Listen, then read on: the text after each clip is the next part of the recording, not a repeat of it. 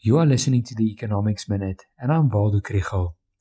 During the lockdown, it was the smaller malls that performed better than the bigger ones when customers stayed away and shopped online.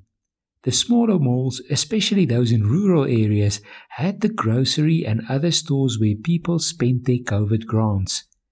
Now, an important sign of the recovery of the economy is that business at the big malls is increasing again.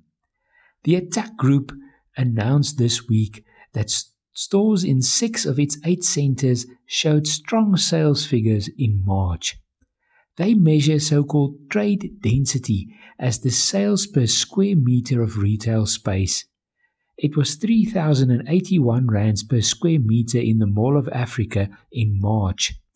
This is 33% more than in March 2020, but not yet back to the 3,295 rands where it was in March 2019.